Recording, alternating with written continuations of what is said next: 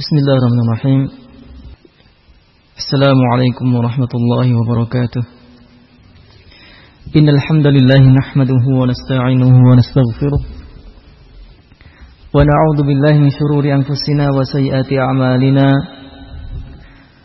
من يهده الله فلا مضل له ومن يضلله فلا هادي له أشهد أن لا إله إلا الله وحده لا شريك له وأشهد أن محمدا عبده ورسوله. يا أيها الذين آمنوا اتقوا الله حق تقاته ولا تموتن إلا وأنتم مسلمون. يا أيها الناس اتقوا ربكم الذي خلقكم من نفس واحدة وخلق منها زوجها وبث منهما رجالا كثيرا ونساء. واتقوا الله الذي تساءلون به والأرحام. إن الله كان عليكم رقيبا. يا أيها الذين آمنوا اتقوا الله وقولوا قولا سديدا. يصلح لكم أعمالكم ويغفر لكم ذنوبكم. ومن يطع الله ورسوله فقد فاز فوزا عظيما. أما بعد. فنسبق الحديث كتاب الله. وخير الهدي هدي محمد صلى الله عليه وعلى آله وسلم. وشر الأمور محدثاتها. فإن كل محدثة بدعة وكل بدعة ضلالة وكل ضلالة في النار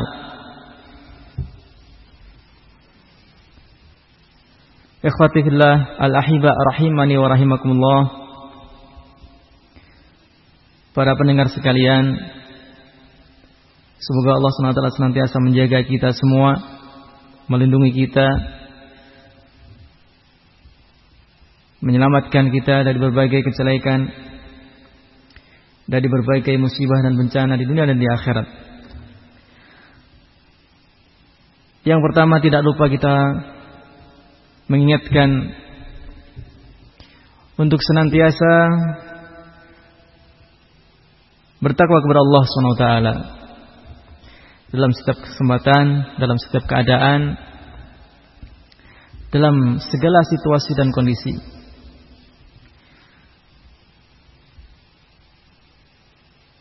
Karena takwa inilah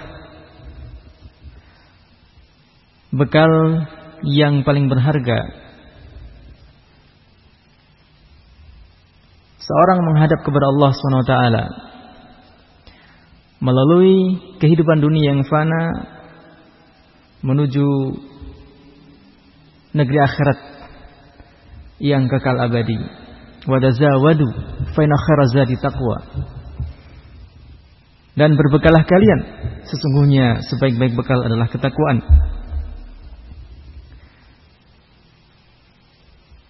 Wa min ma'ani taqwa asyukur. Di antara mana takwa adalah bersyukur kepada Allah SWT.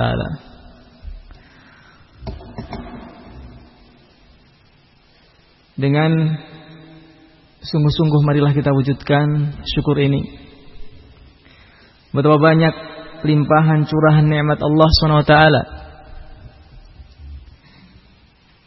Setiap saat, setiap waktu senantiasa kita merasakannya.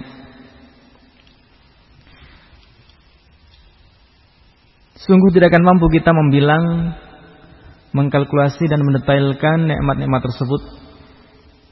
Sungguh benar Allah SWT menyatakan, "Wa in ta'uddu ni'matallahi la tuhsuha." Sekiranya kalian berusaha untuk menghitung nikmat Allah, niscaya kalian tidak akan mampu melakukannya.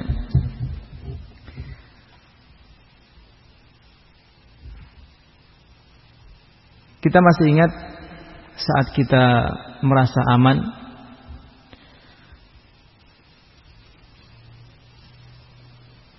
merasa tenang beraktivitas tidak ada kekhawatiran terhadap kejelekan terhadap penyakit dan semuanya betapa kita dahulu merasakan hal tersebut. Ya. Bandingkanlah dengan sekarang ketika kita menghadapi masa-masa yang harus waspada, ya, penuh dengan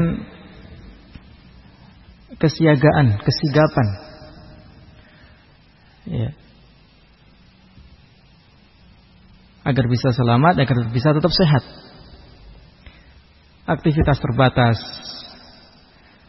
Ya. Kegiatan dan berbagai hal yang biasa kita lakukan menjadi terganggu atau tertunda. nikmat itu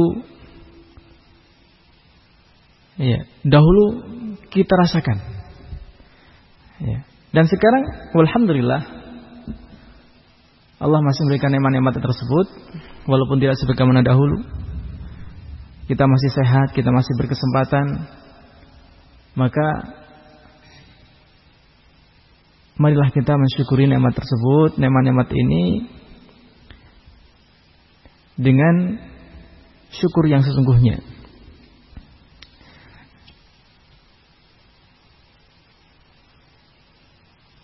Jangan sampai kita lalai.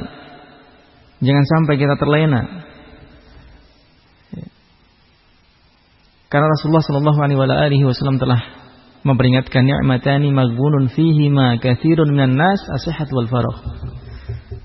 Dua nikmat yang manusia banyak lalai lupa darinya kesehatan dan waktu luang. Ini adalah berita sekaligus peringatan. Jangan sampai kita termasuk mereka orang-orang yang menyanyiakan kedua nikmat tersebut. Ya. Mensyukuri nikmat adalah salah satu sebab yang paling besar untuk terjaganya, untuk lestarinya nikmat tersebut.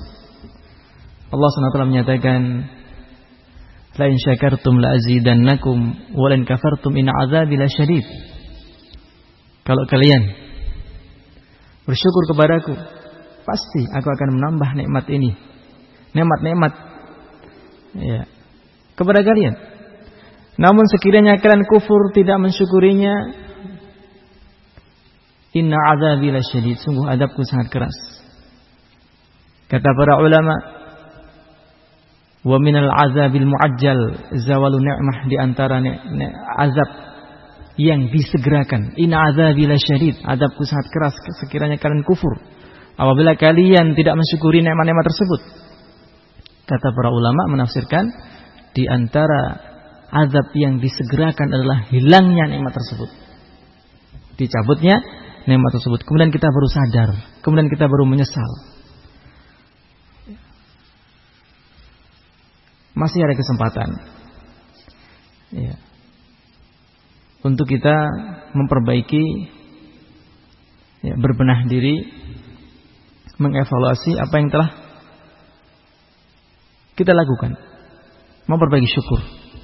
Memperbaiki takwa. Nikmat belajar menuntut ilmu. Walhamdulillah dahulu kita merasakannya begitu mudah. Jadwal durus, kajian ya, hampir tiap hari bisa kita ikuti. Namun sekarang betapa sulitnya kita mendapatkan fawaid.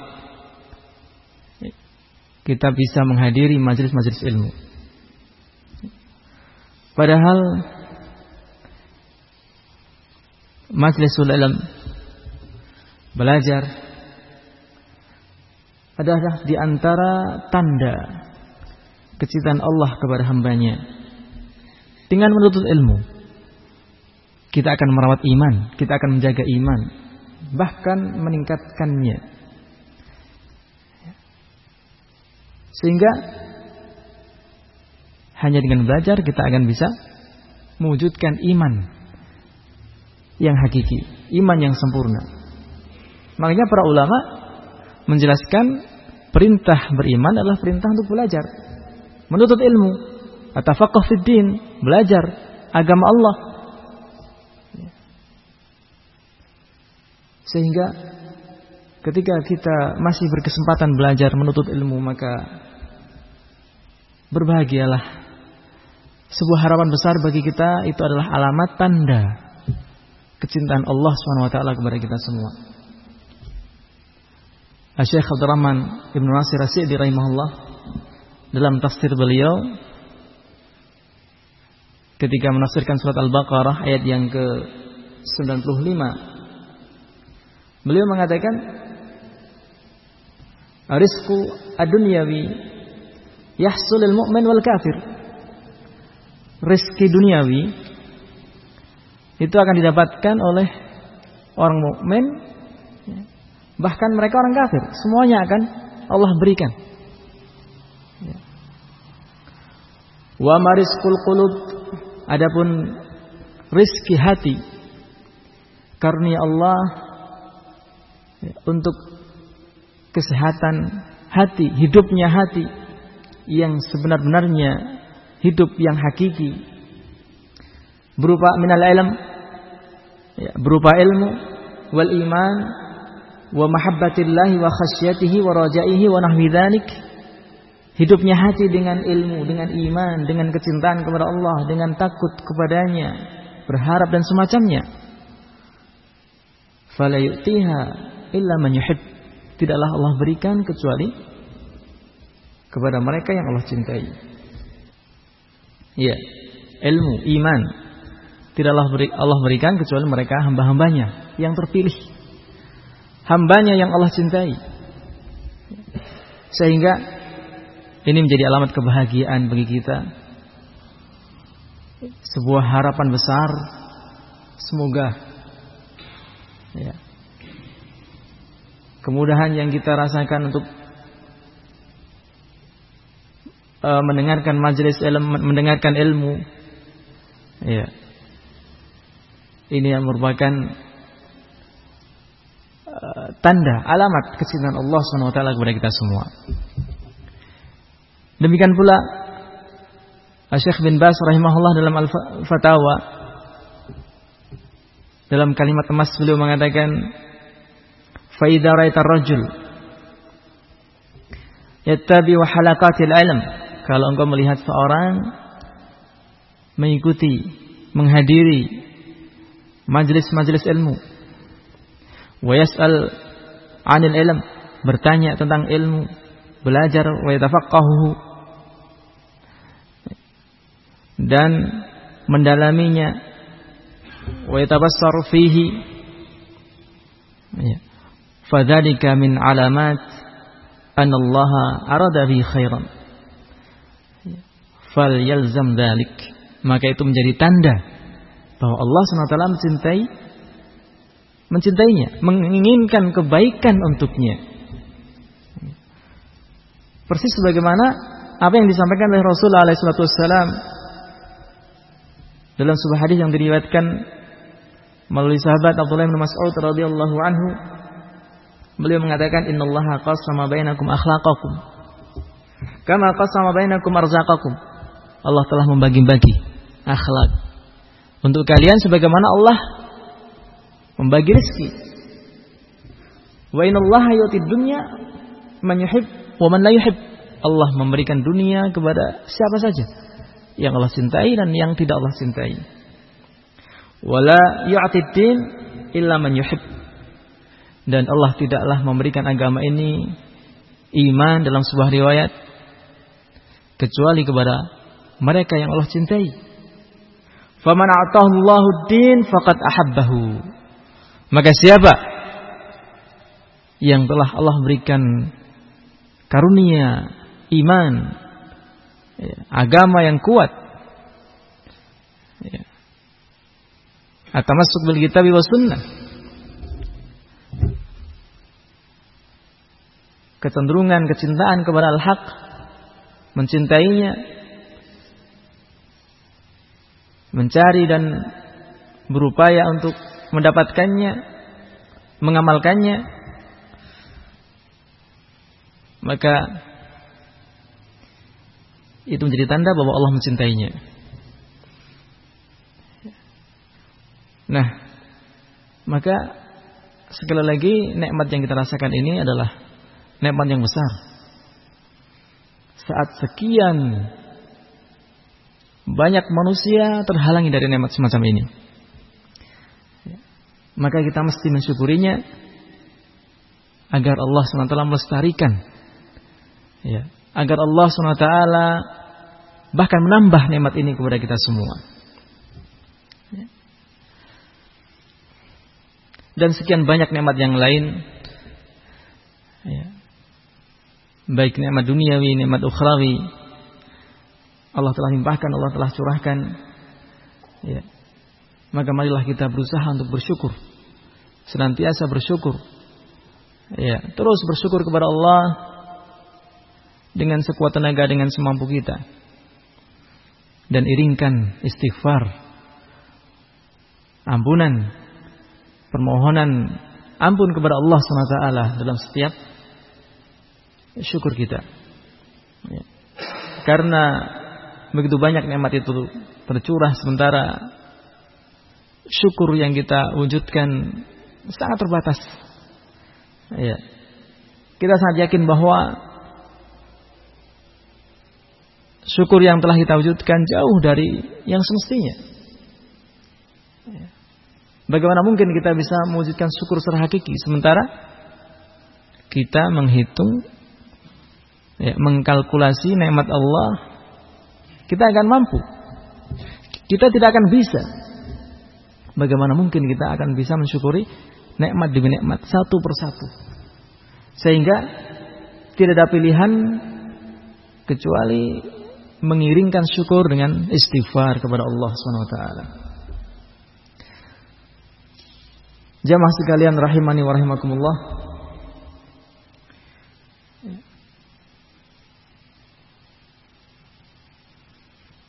Masih berkaitan dengan nikmat nikmat kesempatan, nikmat waktu yang Allah berikan kepada kita, sungguh kita di hari-hari ini berada di penghujung bulan Syaban. Sesaat lagi kita akan menjelang bulan mulia bulan Ramadan. Maka kita berdoa memohon kepada Allah agar Allah SWT bisa mempertemukan kita semua dengan bulan Ramadan dan memanfaatkan nikmat pertemuan dengan bulan Ramadan dengan berbagai aktivitas ibadah, mengisinya dengan berbagai ketaatan kepada Allah SWT. Ya, jangan lupa meminta berdoa kepada Allah SWT agar kita bisa menjalani Ramadan dengan sehat tanpa kurang suatu apa. Sehingga kita bisa menjalani rutinitas ibadah tersebut. Ya. Bisa menjalani kegiatan ibadah yang biasa kita lakukan di bulan-bulan Ramadan. Puasanya, qiyamul lailnya, qiraatul Quran dan yang lainnya. Bulan yang diberkahi. Bulan yang mulia. Bahkan Rasul Shallallahu Alaihi Wasallam secara khusus menyampaikan kabar gembira kepada para sahabat tentang akan tibanya bulan tersebut. Atau tentang mulianya bulan tersebut. Ketika datang hilal atau terlihat hilal bulan Ramadan dalam sebuah hadis. Rasulullah sallallahu alaihi wasallam menyatakan Qad ja'akum Ramadan syahrun mubarak. Telah datang kepada kalian bulan Ramadan bulan yang diberkahi. Ya. Iftaradallahu alaikum siyamahu Allah wajibkan puasa atas kalian pada bulan tersebut Tuftahu fihi abwabul jannah wa tughlaqu fihi abwabul jahim. Dibuka pada bulan tersebut pintu-pintu surga. Ditutup pintu-pintu neraka. Wa tughallu fi syayatin. Dibelenggu. Setan-setan. Fi Lailatul Qadar. Pada bulan tersebut ada satu malam, malam Lailatul Qadar. Khairun min alfi syahr yang keutamaannya lebih baik daripada seribu bulan. Man hurima khairaha faqad hurim. Siapa yang dihalangi dari kebaikannya, sungguh dia telah diharamkan dari kebaikan yang banyak. Di awal hadis Rasulullah memberikan ucapan selamat kepada para sahabat. Qad ja'akum Ramadan. Kabar gembira kepada mereka. Padahal biasa bulan demi bulan berlalu berganti, namun khusus Ramadan Rasulullah Shallallahu alaihi wasallam menyampaikan kabar gembira tersebut. Makanya Ibnu Rajab rahimahullah dalam Lataiful Ma'arif mengatakan hadzal hadis aslun fi tahniyatin nas ba'dhim ba'dha. Hadis ini adalah dalil ucapan selamat ya, antar kaum muslimin terhadap datangnya bulan Ramadan. Berbahagia, bergembira dengan datangnya bulan Ramadan. Ya. Hadal hadis aslun fi tahniyatin nas ba'dhim ba'dha bi syahri Ramadan. Kaifa la yubashshirul mu'min bi fathi abwabil jinan Bagaimana seorang mukmin tidak menyampaikan kabar gembira kepada saudaranya dengan bulan yang dibuka padanya pintu-pintu surga. Wa abwabul niran dan ditutup pintu-pintu neraka. Kaifa la yubashshirul aqil syayatin? Bagaimana mungkin seorang yang berakal tidak mengungkapkan kebahagiaan, kegembiraannya dengan suatu waktu yang setan dibelenggu padanya. Min aina yusbihu hadha zaman zamanun? Dari sisi mana? Waktu yang lain, bulan-bulan yang lain bisa menandingi, bisa menyamai bulan ini. Ya. Belum lagi kita sebutkan keutamaan apa? Lailatul Qadar yang khairun min alfi syahr. Nah, kita berada di penghujung Syaban. Tiga hari lagi kurang lebih kita akan menjelang bulan Ramadan. Semoga Allah SWT memberikan kekuatan, kesehatan, iman terutama kepada kita semua sehingga kita bisa meraih berbagai keutamaannya, maghfirah, ampunan, ya, dari Allah SWT. Amin ya rabbal alamin. Ikhwat fillah alhibah rahimani wa rahimakumullah. Pelajaran kita kali ini membaca kitab Riyadhus Salihin bab yang ke-12 bab bayan kafrati turukil khair. Bab yang menjelaskan tentang banyaknya jalan-jalan kebajikan. Ya, banyak sekali bentuk amal soleh. Ya. Tidak terhingga, tidak terbilang jenis-jenis ketaatan. Sehingga kita bisa melakukan sesuai dengan kadar kemampuan kita. Allah SWT menyatakan dalam sekian banyak ayatnya disebutkan di sini oleh An Nawawi Wa ma taf'alu min khairin fa innallaha bihi alim. Dalam Al-Baqarah Allah berfirman, "Wa ma taf'alu min khairin" dan apa yang kalian lakukan berupa kebajikan min khairin fa innallaha bihi alim. Sesungguhnya Allah Maha mengetahuinya. Allah Maha mengetahui artinya Allah mencatatnya, menjaganya dan akan membalasinya. Dalam ayat disebutkan min khairin khairin dalam bentuk nakirah yang menunjukkan umum. Artinya kebaikan itu sangat banyak. Kebaikan apa pun. Besar kecil ya. Eh, baik kebaikan dalam bentuk eh, ibadah dengan harta, dengan tenaga, dengan apa saja. Semua bentuk ibadah. Maka Allah SWT akan membalasinya. Ya. Kemudian dalam ayat yang lain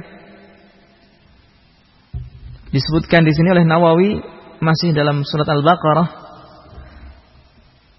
Ayat yang semakna dengan sebelumnya wa ma taf'alu min khairin ya'lamullah dan segala yang kalian kerjakan berupa kebaikan ya alamullah Allah Maha mengetahuinya. Konsekuensi dari Allah mengetahui hal tersebut adalah Allah mencatat menjaganya dan membalasinya. Tidak akan Allah sia-siakan. Tidak ada yang hilang dari kebajikan seorang hamba. Bahkan kebaikan itu Allah lipat gandakan. Ya, minimalnya 10 kali lipat Allah tulis keutamaan di sisinya. Dan Allah lipat gandakan sesuai dengan banyak faktor. Sesuai dengan keimanan ya faktor internal dari hamba tersebut. Ya, dan banyak hal ya yang mempengaruhi dilipat gandakan amal soleh ya, pahalanya. Dan juga dari faktor eksternal ya dari luar.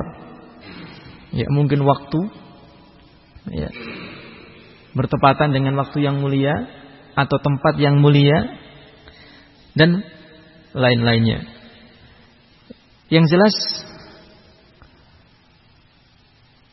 tidak ada yang sia-sia dari suatu kebajikan ya. amalan apa pun Allah SWT akan membalasinya.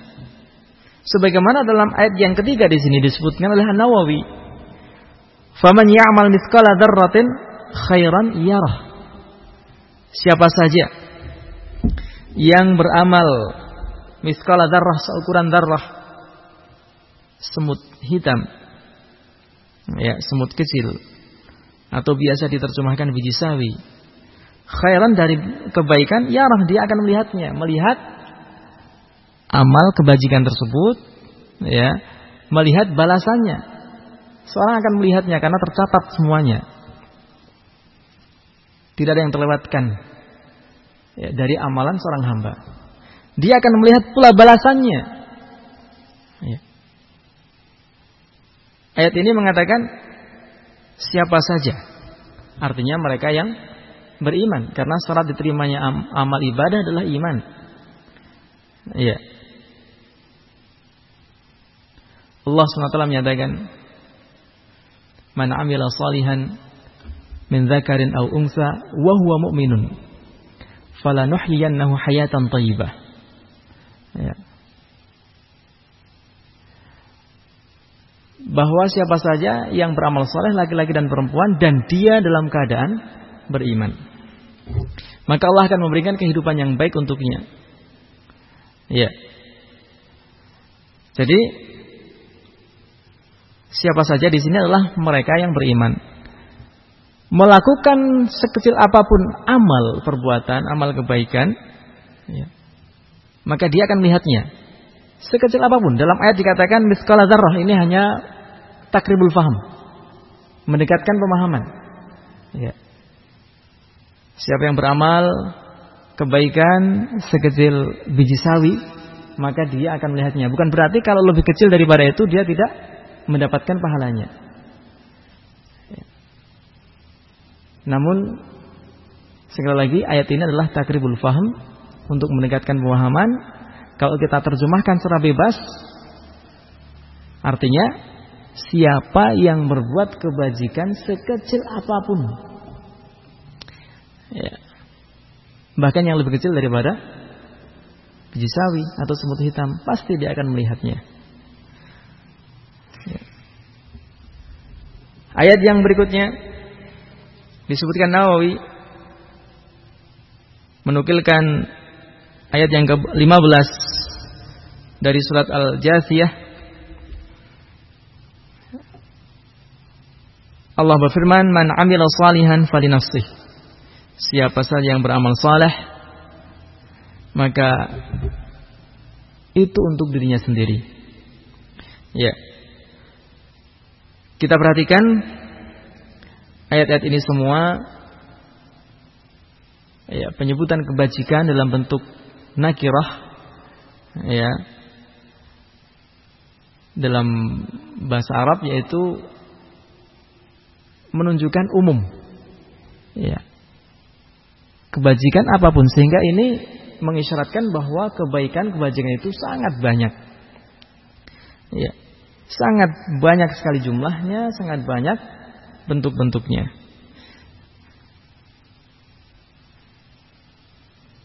Ini semua menjadi rahmat Allah SWT atau menunjukkan rahmat Allah kepada hamba, kepada manusia. Di mana Allah membuka luas pintu rahmatnya kepada manusia, kepada hamba. Allah sediakan untuk mereka pintu-pintu taubat. Ya. Atau Allah sebut, siapkan atau Allah sediakan untuk mereka berbagai bentuk sarana ketaatan ibadah yang sangat beragam. Ya bisa mereka lakukan, bisa mereka upayakan untuk mendapatkan rahmat Allah, mendapatkan ampunannya. Disediakannya berbagai bentuk ibadah adalah rahmat Allah SWT kepada manusia. Ya. Sebagaimana diisyaratkan dalam surat An-Nisa Allah SWT menyatakan Yuridullahu liyubayyana lakum wa yahdiyakum sunanal ladina min qablikum wa yatuba 'alaikum wallahu 'alimun hakim. Allah ingin menjelaskan kepada kalian memberikan petunjuk kepada kalian jalan-jalan orang sebelum kalian. Wa yatuba 'alaikum dan agar Allah memberikan taubat ampunan kepada kalian. Allahu alimun hakim dan Allah Maha mengetahui lagi maha bijaksana. Wallahu yuridu ayatuba alaikum. Allah menginginkan untuk memberikan ampunan kepada kalian. Wa yuridu alladziina wa yuriduna wa yuridu alladziina yattabi'una syahawat. Adapun orang-orang yang menginginkan untuk melampiaskan syahwatnya, mereka menginginkan, menginginkan untuk antamilu mailan 'azima, kalian menyimpang dengan sejauh-jauhnya. Ya. Wallahu yuridu ayatuba alaikum. Allah ingin memberikan taubatnya kepada kalian. Manusia penuh dosa, banyak kesalahan yang mereka lakukan, maksiat demi maksiat, pelanggaran, ya, penentangan, banyak dosa yang dilakukan oleh manusia. Maka Allah buka pintu rahmat, pintu ampunan selebar-lebarnya. Ya, Ketika manusia bertobat, menyesali perbuatan-perbuatan salah dan dosanya, maksiat-maksiatnya, ya, kemudian Allah mudahkan dia memperbaiki diri dengan apa? Amal soleh. Kebaikan-kebaikan yang bentuknya sangat beragam. Yang manusia bisa melakukan sesuai dengan kemampuan, sesuai dengan keinginan yang dia bisa lakukan. Ya. Telah kita ketahui bersama bahwa di antara bentuk kesempurnaan taubat adalah beramal soleh. Sebagaimana Allah SWT menyatakan innal hasanati yudhibnas sayyiat.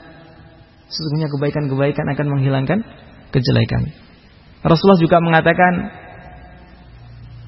Watsbi as-sayyi'at al-hasanata tamhuha. Ikut, ikut ikutkanlah kejelekan yang kalian terjatuh kepadanya dengan kebaikan yang akan menghapuskannya. Ya. Berarti di antara bentuk kesempurnaan taubat adalah mengiringi taubat tersebut ya kejelekan yang kita terjatuh padanya kita menyesal kita istighfar kita bertekad untuk tidak akan mengulanginya kita bersedih atas apa yang terjadi. Ya, setelah itu kita memperbanyak kebajikan, amal soleh. Ya. Makanya Allah mengkaitkan dengan petunjuk bimbingan dalam ayat yang tadi kita baca dalam Anisa. Allah ingin memberikan petunjuk bimbingan, arahan kepada kalian, menjelaskan agamanya yang sempurna, ya, kebaikan-kebaikan yang sangat banyak tak terhingga. Wa yatuba alaikum dan Allah ingin memberikan taubat kepada kalian. Allah yuridu an yatuba alaikum. Kemudian setelahnya Allah mengatakan yuridullahu an yukhaffifa ankum.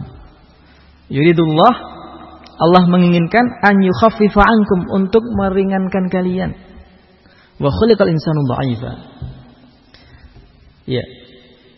Allah menginginkan untuk memberikan kemudahan, keringanan kepada kalian. Ya. Kita manusia sangat terbatas sekali kekuatannya, keimanannya, kesabarannya, dan banyak hal kita sangat terbatas. Makanya Allah mengatakan wa khuliqal insanu dha'ifa, lemah dalam banyak sisi. Ya. Sehingga Allah berikan kemudahan dengan apa? Memberikan syariat yang mudah. Memberikan bentuk-bentuk ibadah yang sangat beragam yang bisa mereka kerjakan. Yang dengannya manusia bisa mendapatkan rahmat Allah Subhanahu wa taala. Iya. Hadis pertama yang disebutkan oleh Nawawi dalam bab ini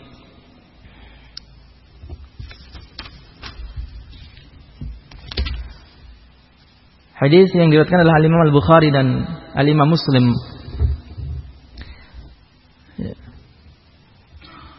Disebutkan An Nabi Dzarrin Jundub bin Junadah radhiyallahu an dari sahabat Abu Dzar nama beliau Jundub Ibnu Junadah radhiyallahu an qala mengatakan qultu ya Rasulullah ayul a'mal afdal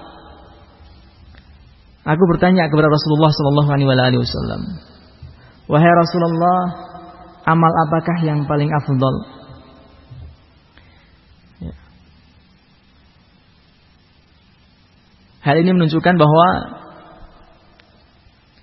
betapa semangatnya para sahabat mereka belajar menuntut ilmu, belajar memahami, mengerti agama Islam, belajar jalan menuju kebahagiaan, keselamatan. Ya. Betapa banyak kita mendapatkan redaksi hadis yang menunjukkan mereka para sahabat bertanya, ya, meminta bimbingan, arahan kepada Rasulullah Sallallahu Alaihi Wasallam. Inilah teladan.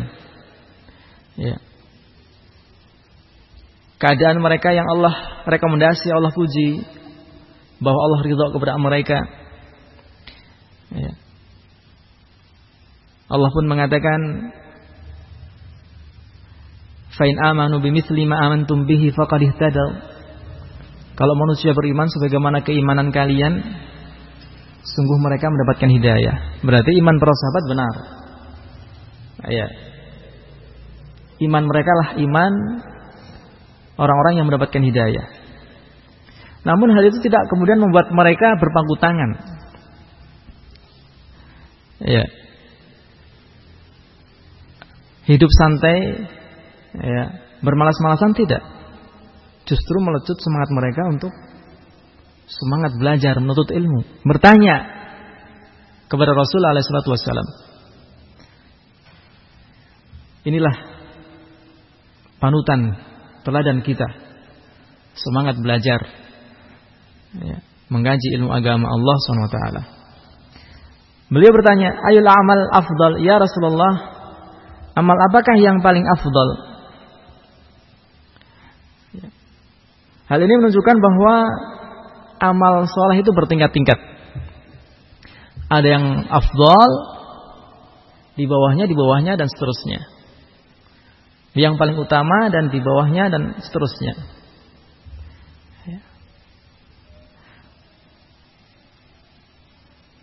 Ini menunjukkan bahwa mestinya kita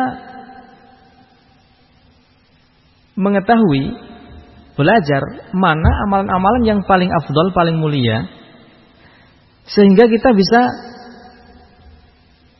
mewujudkannya. Tadilah kita katakan bahwa umur kita terbatas. Kekuatan yang kita miliki pun demikian. Ya. Waktu tenaga, ya, banyak hal, semuanya serba terbatas. Sehingga dalam waktu yang sempit ini bagaimana kita bisa mengisinya dengan ibadah-ibadah yang afdol. Jangan kita sibuk dengan ibadah-ibadah yang mafdul, yang kurang afdol kemudian membuat terlalaikan ibadah-ibadah yang lebih afdol. Ini tertipu. Ya. Ini sikap yang salah. Sebagaimana orang yang sibuk dengan ibadah sunnah kemudian mengakibatkan terlalaikan dari ibadah yang wajib. Ini orang yang tertipu. Ya, maknanya dikatakan oleh Ibnu Hajar rahimahullah ya, man syaghalathu faraiduhu anil nawafil bahwa ma'dzur. Orang yang tersibukkan dengan yang wajib tidak sempat melaksanakan yang sunnah maka dia mendapatkan uzur. Wa man syaghalathu an nawafilu anil faraid fahuwa maghrur. Sebaliknya orang yang sibuk dengan yang sunnah membuat lalai dari yang wajib ini tertipu. Ya. Bagaimana kita bisa memanfaatkan waktu-waktu kita yang terbatas? Bagaimana kita bisa mengelola tenaga kita, kekuatan kita yang terbatas, ya, untuk mewujudkan ibadah yang paling afdol, sehingga pahala yang kita dapatkan pun akan besar. Ya. Kalau ibadah itu afdol maka ya, pahalanya berarti besar. Ya. Bagaimana kita bisa mewujudkannya dengan belajar sehingga kita mengetahui mana yang afdal, mana yang kurang afdal dan sebagainya. Ya. Ibadah bertingkat-tingkat. Sebagaimana Allah SWT menyatakan keimanan bertingkat-tingkat, nilai keimanan bertingkat-tingkat. Dalam Al-Isra Allah mengatakan, "Ungdur kaifa faddalna ba'dahum 'ala ba'd walal akhiratu khairun walal akhiratu akbaru darajatin wa akbaru tafdila. Undur lihatlah kaifa faddalna ba'dahum ala ba'd. Bagaimana kami lebihkan sebagian atas sebagian yang lain. Di dunia ini Allah lebihkan yang lain di atas sebagiannya. Kita melihat dunia ini, manusia ya sekitar kita, mereka memiliki keutamaan sisi duniawi yang sangat beragam. Tidak ada yang sama. Sekian banyak manusia semuanya beda-beda keutamaannya. Ya. Satu dengan yang lain, ya. tidak ada yang sama. Ya. Itu keutamaan duniawi. Ya, kesehatan, eh, apa, eh, atau rizki duniawi, apa harta, anak, ya. Dan semuanya kita bisa melihat orang tidak sama. Ya, subhanallah. Allah begitu adil membagi rezekinya. Dengan hikmah dan ilmunya Allah memberikan menentukan rezeki tersebut untuk orang-orang atau, manusia. Nah, berbeda-beda, beragam-agam tingkatannya. Walal akhiratu akbaru darajatin wa akbaru. Dan akhirat lebih besar lagi derajatnya. Artinya tingkatan-tingkatannya lebih besar dan lebih banyak keutamaannya. Iya. Berarti nilai-nilai keimanan ya, bentuk-bentuk ibadah sangat beragam. Yang lain lebih afdal daripada yang lainnya. Sehingga kita perlu mengetahui belajar mana yang afdal. Sekali lagi agar kita bisa efektif memanfaatkan segala yang kita miliki ini, keterbatasan yang ada pada kita bisa dikelola, bisa di uh, apa? dimanfaatkan untuk melakukan ibadah-ibadah yang afdal. Ya. Setelah azan ada ibadah yang paling afdal. Ada ibadah lain yang kurang afdol. Ya, setelah azan ibadah yang paling afdol adalah berdoa. Doa setelah azan. Ya. kemudian setelah itu antara azan dan iqamat ya, berdoa kepada Allah SWT. Maksudnya zikir ya, setelah azan zikir, doa setelah mendengar azan.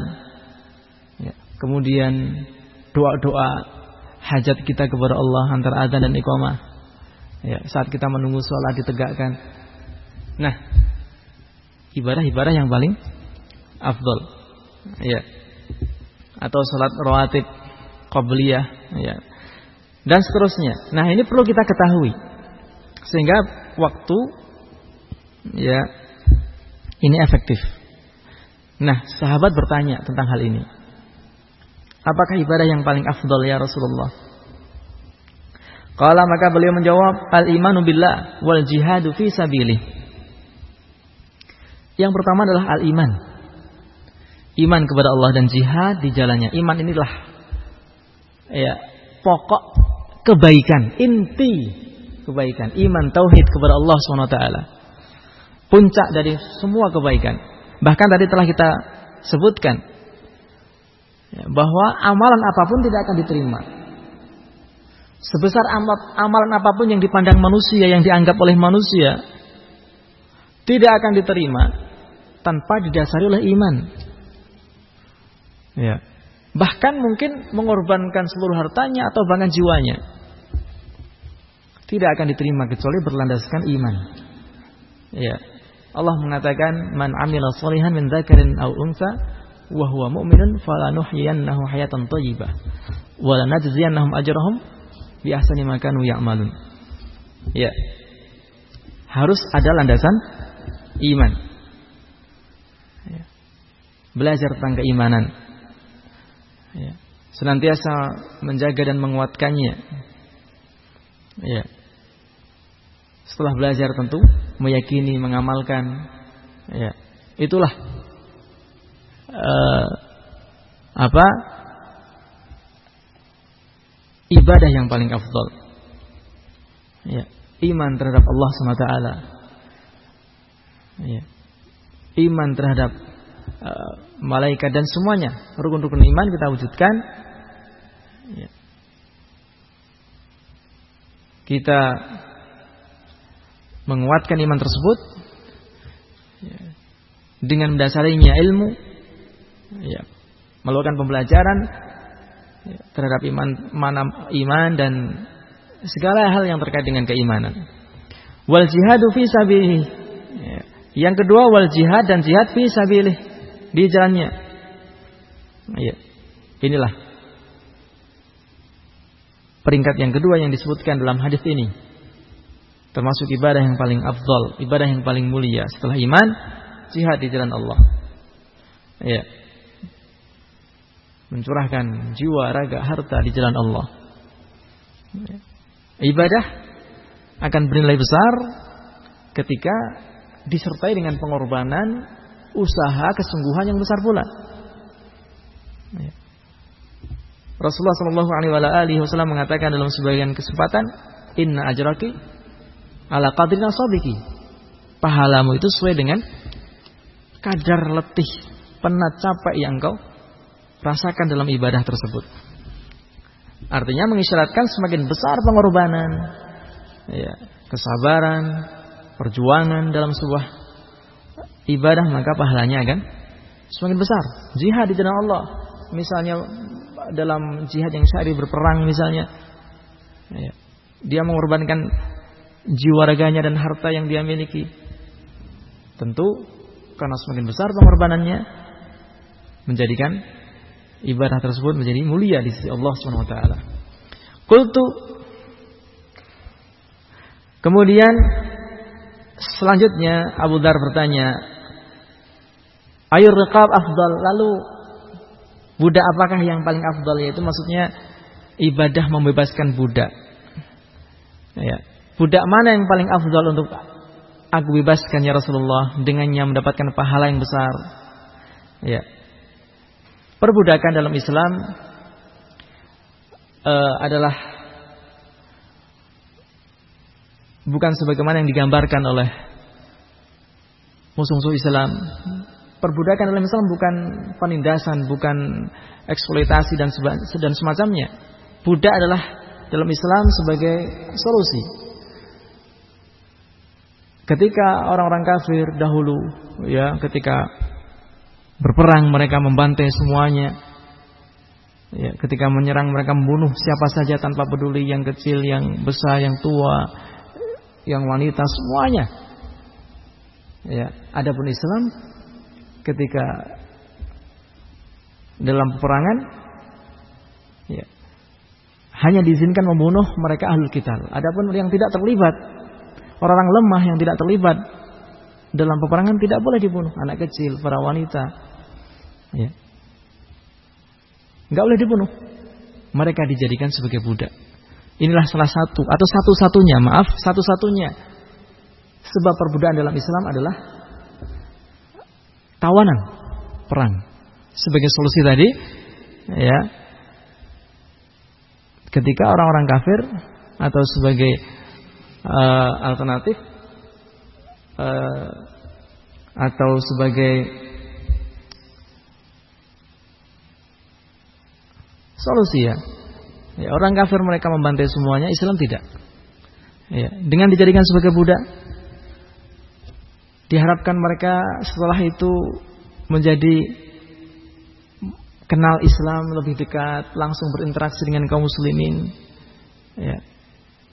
Kemudian dia merasakan uh, indahnya agama Islam, ajaran-ajaran Islam. Ya. Ketika seorang menjadi budak akan hilang kesombongan yang ada dalam dirinya. Dulu dia orang merdeka atau bahkan sebagai orang yang terhormat terpandang di dalam komunitas kaumnya sebagai orang kafir misalnya kesombongan seperti ini faktanya banyak mengakibatkan orang menolak kebenaran. Ya, sekian banyak kisah kita mendengar sombong tidak mau mengikuti kebenaran kenapa? Karena kedudukan, karena kesombongan, status sosial yang dia miliki. Namun ketika seorang sudah menjadi budak, hilang ya kesombongan tersebut. Ya, ini umumnya. Kemudian dia bisa berinteraksi dengan kaum muslimin, bisa mengenal lebih dekat Islam yang sesungguhnya, akhirnya mereka akan tertarik dengan Islam. Sehingga ya, dia akan terselamatkan dengan hal itu. Iya, terselamatkan dari neraka, dari adab neraka. Ya, belum lagi Islam mengatur sedemikian rupa, memberikan bimbingan untuk berbuat baik kepada budak. Ya, Islam menganjurkan untuk membebaskan budak sekian banyak kafarah membebaskan budak. Ya, pertama kafarah ya, sekian banyak adalah membebaskan budak. Bahkan ibadah membebaskan budak itu sendiri dianjurkan, sangat dianjurkan oleh Islam. Ya. Nah inilah buktinya. Suatu hal yang sangat dipahami oleh para sahabat bahwa membebaskan budak adalah ibadah yang mulia.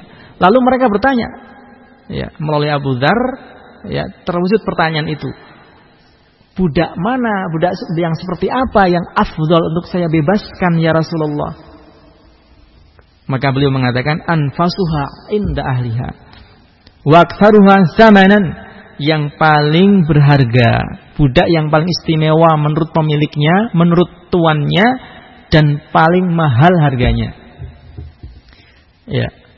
Ini sebagaimana penjelasan yang sebelumnya bahwa ibadah akan semakin bernilai besar ketika nilai perjuangan, ya, nilai uh, pengorbanannya semakin besar. Ya.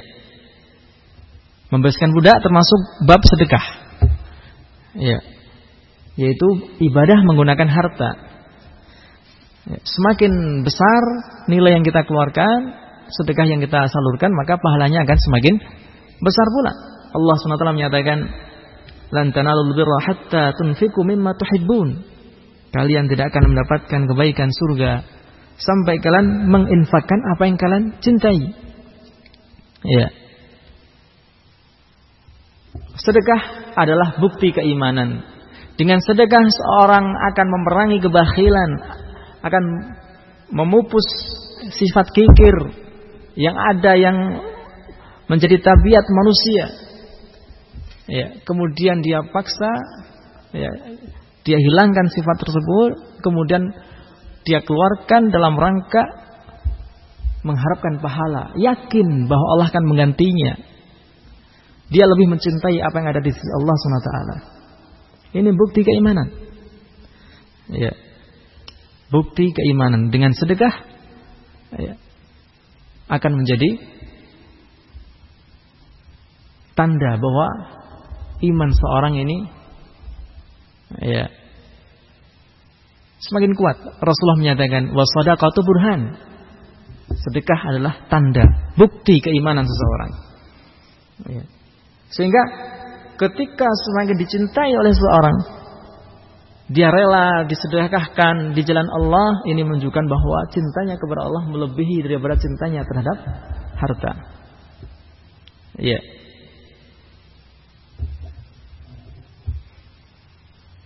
Sehingga sekali lagi dia akan semakin menguatkan keimanan. Ya. Dia telah mengalahkan nafsunya. Ya, dia telah berupaya untuk memupus tabiat jiwanya yang senang, yang cinta kepada harta. Karena manusia memang seperti itu, diciptakan cinta kepada harta. Wa innahu lihubbil khairi lasyadid. Manusia terhadap harta kecintaannya luar biasa. Ya. Sangat berlebih-lebihan. Nah, ketika semakin dia cintai harta tersebut, dia sedekahkan, maka pahalanya akan semakin besar di sisi Allah SWT. Namun bukan berarti apa? Kalau sedekah itu sedikit, sedekah itu uh, apa? Tidak banyak, bukan berarti tidak diterima. Ya. Dalam ayat yang lain Allah mengatakan ya, "Wa ma tunfiqu min fa innallaha bihi alim." Dan sesuatu apa pun atau seberapapun yang kalian infakkan, yang kalian salurkan, kalian sedekahkan, Allah Maha mengetahui. Ya. Jadi bukan berarti yang sedikit tidak Allah terima. Ya. Namun seberapa pun infak, sedekah atau uh, harta yang disalurkan pasti ya dalam kebaikan ya harta yang disalurkan dalam kebaikan pasti Allah akan memberikan balasannya. Kultu kemudian Abu Dar bertanya, "Falan fain lam af'al kalau aku tidak mampu melakukan bagaimana ya Rasulullah? Ya. Qala beliau membimbingkan tu'inu sani'an au tasnau li akhraq.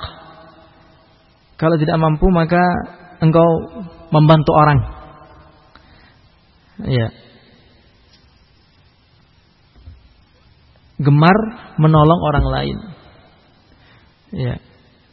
Engkau mengarahkan orang yang kebingungan. Ini termasuk kebaikan. Ya, itu termasuk amal soleh. Membantu orang. Ya, dengan apa yang dia miliki. Dengan apa yang dia mampu. Dengan hartanya, dengan tenaganya, dengan pikirannya, mungkin ide, nasihat. Dan semua yang dia bisa. Qultu ya Rasulullah, araita in da'uftu an ba'di al-amal Ya. ya Rasulullah, bagaimana pendapat Anda apabila aku tidak mampu melaksanakan sebagian amal-amal ini? Ya. Qala takufu syarraka 'alin nas. Engkau cegah kejelekanmu dari orang lain. Tahan diri jangan berbuat kejelekan kepada orang lain. Fa innaha shadaqatun minka 'ala nafsik. Itu adalah sedekah darimu untuk dirimu sendiri. Kita menahan diri tidak berbuat usil, tidak mengganggu orang lain, ya. Ini termasuk sedekah. Termasuk kebaikan untuk diri kita sendiri. Ya. Nah, e, dalam hadis ini tergambar kepada kita semua betapa banyak, betapa beragam kebaikan itu.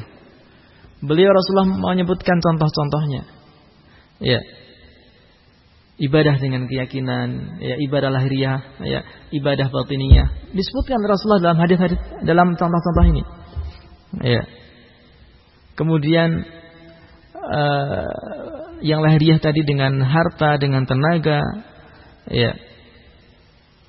Atau tidak mampu menahan diri untuk tidak berbuat jelek, ya, itu termasuk itu pun termasuk sedekah, itu pun termasuk kebaikan. Ya. Nah, ini hadis yang pertama ya menunjukkan betapa banyak, betapa beragamnya kebaikan yang bisa kita lakukan, kita kerjakan. Dan sekali lagi ini menunjukkan rahmat Allah yang sangat luas. Allah menyiapkan, Allah menyediakan berbagai pintu amal soleh, sangat beragam, sangat banyak, tidak terbatas, yang kita bisa melakukannya. Yang dengannya kita akan bisa meraih rahmat Allah swt. Yang dengannya kita bisa mendapatkan ampunan dari Allah swt. Ya, demikian yang bisa kita sampaikan. Semoga bermanfaat. Allahu a'lam bishawab. Subhanakallahumma wa bihamdika asyhadu an la ilaha illa anta astaghfiruka wa atubu ilaik. Warahmatullahi wabarakatuh.